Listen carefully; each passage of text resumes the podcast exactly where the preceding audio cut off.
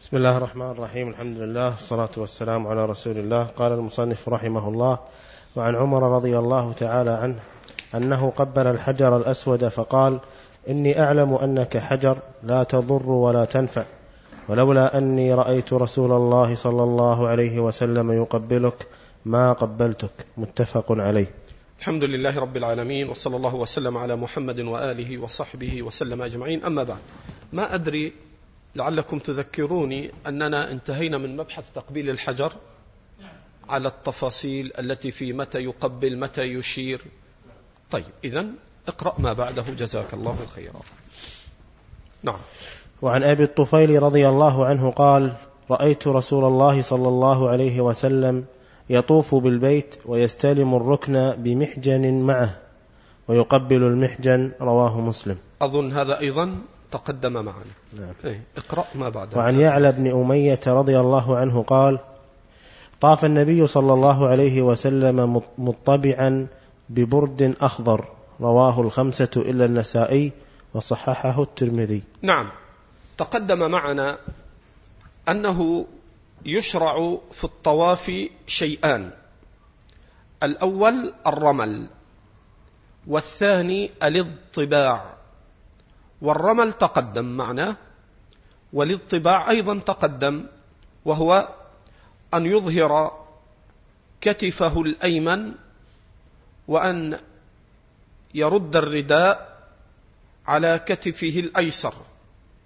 فهذا هو الاضطباع واختلف الفقهاء هل يكون الاضطباع في الأشواط الثلاثة الأول أم في الطواف كله؟ قولان. قال جماعة بأنه يطبع في الثلاثة الأول فإذا فرغ يستر منكبه ويتمم بقية الأشواط دون الطباع. وقال جماعة من أهل العلم أنه يضطبع في الأشواط كلها. وظاهر حديث يعلى بن أمية أن الاطباع في الأطواف كلها. ونحى بعض أهل العلم إلى الحديث أنه رمل ثلاثا واضطبع فجعلوا هذا قيدا وليس بظاهر. فإنه نص على أن الرمل كان في الثلاث ثم أضاف إليه الاطباع وهنا جاءت هذه الرواية مطلقة وتلك الرواية التي استدل بها مجملة والظاهر هو ما نحى إليه بعض أهل العلم أن الاطباع في الأشواط كلها. وفي المسألة بحث لكن لعلنا نعرض لها إن شاء الله في مجلس آخر. نعم. قال وعن أنس رضي الله عنه قال كان يهل مناغي المهل. كان يهل منا المهل. نعم. نسخة اللي عندك فيها عدة أخطاء تكررت معنا.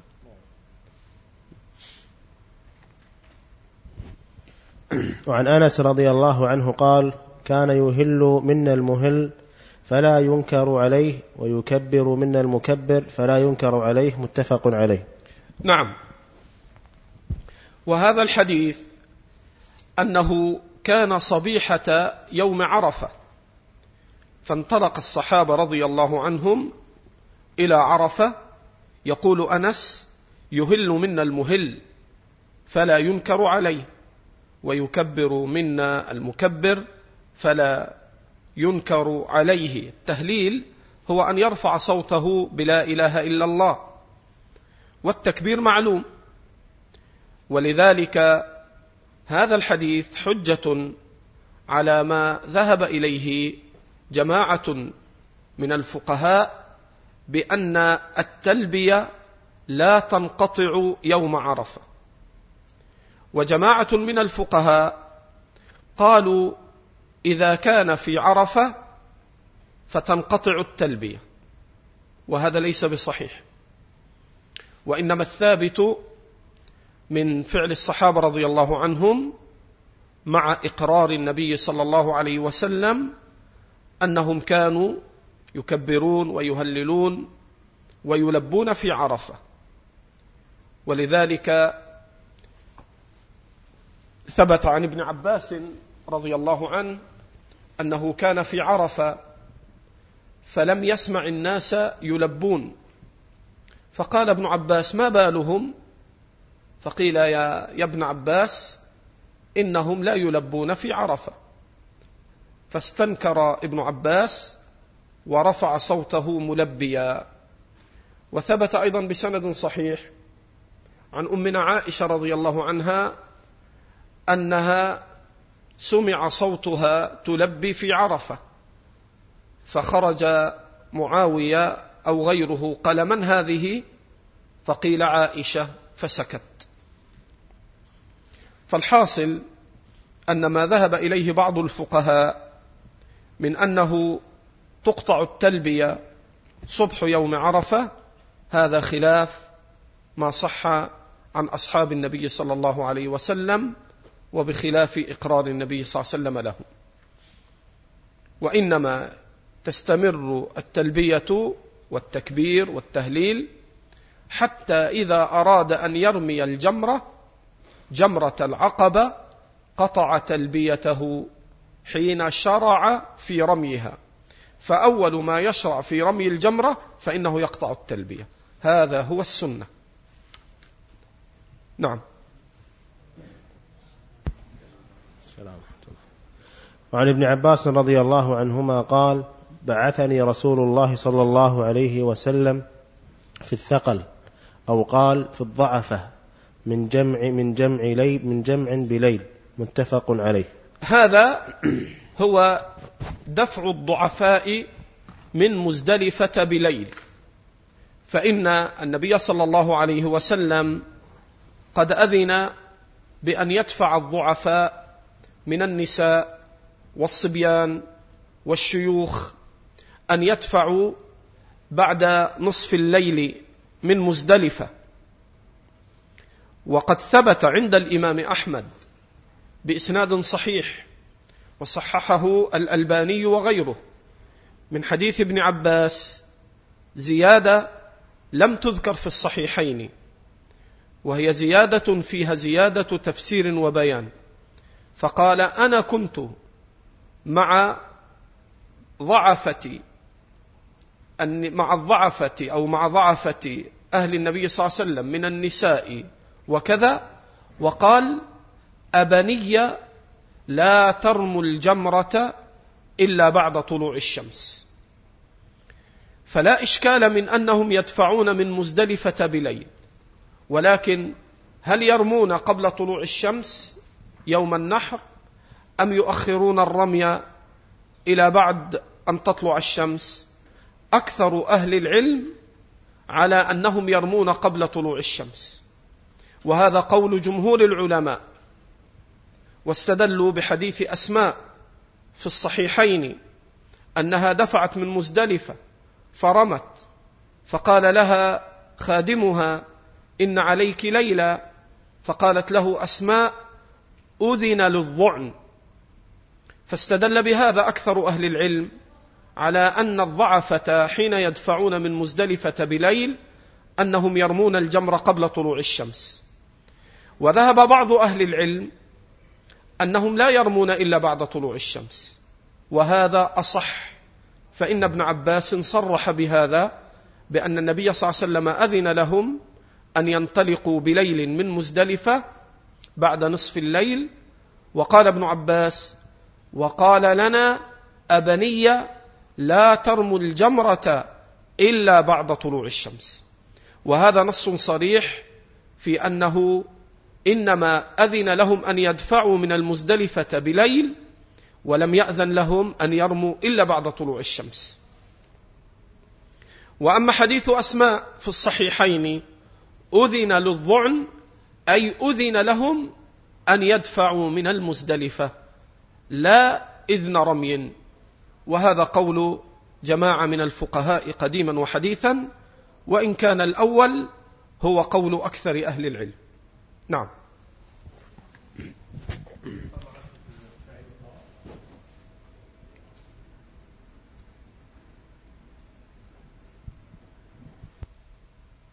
إذا طلع فجر يوم العاشر اللي هو يوم النحر فإن الطواف والسعي واسع.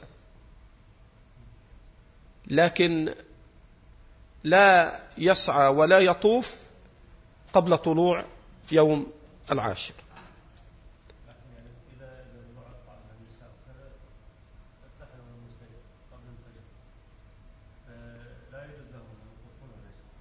بعض الفقهاء رخص لهم أن يطوفوا وأن يسعوا قبل طلوع الفجر. إلا أن أكثر العلماء على أن النبي صلى الله عليه وسلم ما طاف ولا سعى إلا يوم النحر. فإذا طافوا وسعوا ليلا فهم لم يطوفوا يوم النحر وإنما شرع الطواف وشرع السعي يوم العاشر. لذلك كان الشيخ ابن باز رحمة الله عليه يفتي بالاحتياط في هذا. فلا ينبغي أن يسعوا ولا أن يطوفوا إلا يوم العاشر. هكذا فعل النبي صلى الله عليه وسلم ولم يحفظ عن أحد من أصحابه أنه سعى أو طاف قبل طلوع يوم العاشر ألا وهو يوم النحر. ومن رخص في هذا فليس معه حجة صريحة وإنما وسعوا استدلالا واستنباطا. واضح؟ نعم. وكما ذكرت أن الشيخ بن باز رحمة الله عليه كان يشدد في هذا وكان يمنع منه رحمة الله عليه. نعم. تفضل. وعن عائشة رضي الله تعالى عنها قالت استأذنت سودة رسول الله صلى الله عليه وسلم ليلة المزدلفة أن تدفع قبله وكانت ثبطة يعني ثقيلة فأذن لها. متفق عليه.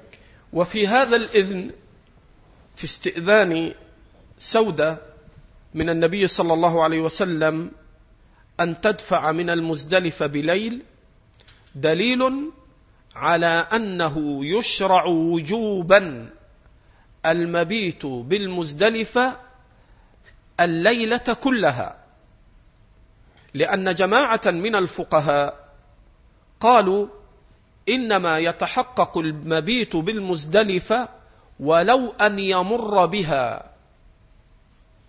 قالوا لو أنه مر بالمزدلفة يكفي. حقق شيئا من المبيت ولو لحظة. قالوا لو مر بالمزدلفة ولو ساعة فإن مروره يكفي. وبعض العلماء قالوا إنما يكفيه أن يبيت فيها إلى النصف فإذا انقضى النصف جاز له أن يخرج. وبعض العلماء قال يجب أن يتم الليلة كلها وهذا هو الصحيح. فإن النبي صلى الله عليه وسلم إنما أذن للضعفاء أن يدفعوا من الليل من آخره بعد النصف الأول أو بعد أن ينقضي نصف الليل. فلو كان المبيت إنما هو بمجرد أن يمر لما أصبح هناك فرق بين أن يأذن لأهل الأعذار وبين غيرهم إذ صار الأمر كله على باب واحد. فلما أذن للضعفاء أن يدفعوا من الليل واستؤذن في ذلك فأذن دل ذلك على الوجوب وأنه يجب أن يمكث الحاج في المزدلفة ليلة المزدلفة كلها لا يدفع إلا بعد طلوع الفجر إلا لأهل الأعذار. ثم اختلف أهل العلم بعد ذلك في من ترك المبيت بالمزدلفة. هل ترك واجبا ويصح حجه أم ترك ركنا ويبطل حجه؟ على قولين. قال بعضهم ترك واجبا ويجبر بدم. قال بعضهم ترك واجبا وعليه الاستغفار ولا دم عليه. قال بعضهم أن المبيت بالمزدلفة ليلة جمع ركن فمن تركه بطل حجه وهذا أصح الأقوال. والحجة فيه ما أخرجه الإمام أحمد وغيره وصححه الألباني وابن حجر وغيرهما وابن تيمية وابن القيم الشيخ بن باز رحمة الله عليه أن رجلا أتى النبي صلى الله عليه وسلم فقال يا رسول الله ما تركت حبلا من الحبال إلا ومررت عليه وما تركت واديا إلا ومررت به وكان أراد الحج.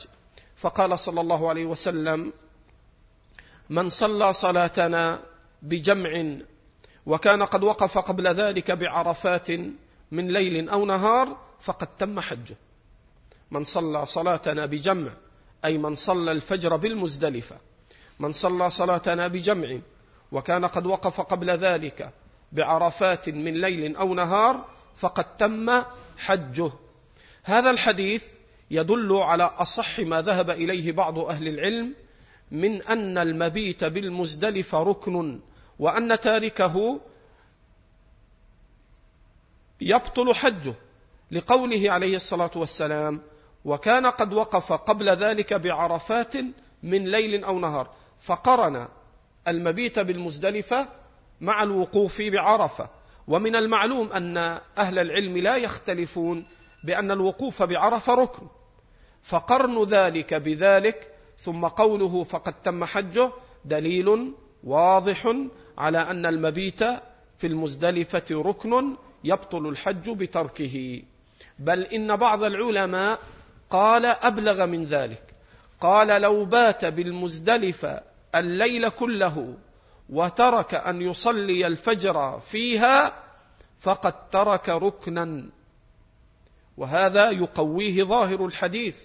فإنه اشترط إدراك صلاة الفجر بالمزدلفة.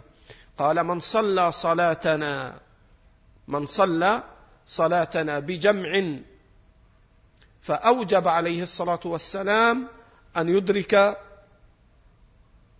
البائت أن يدرك صلاة الفجر في المزدلفة.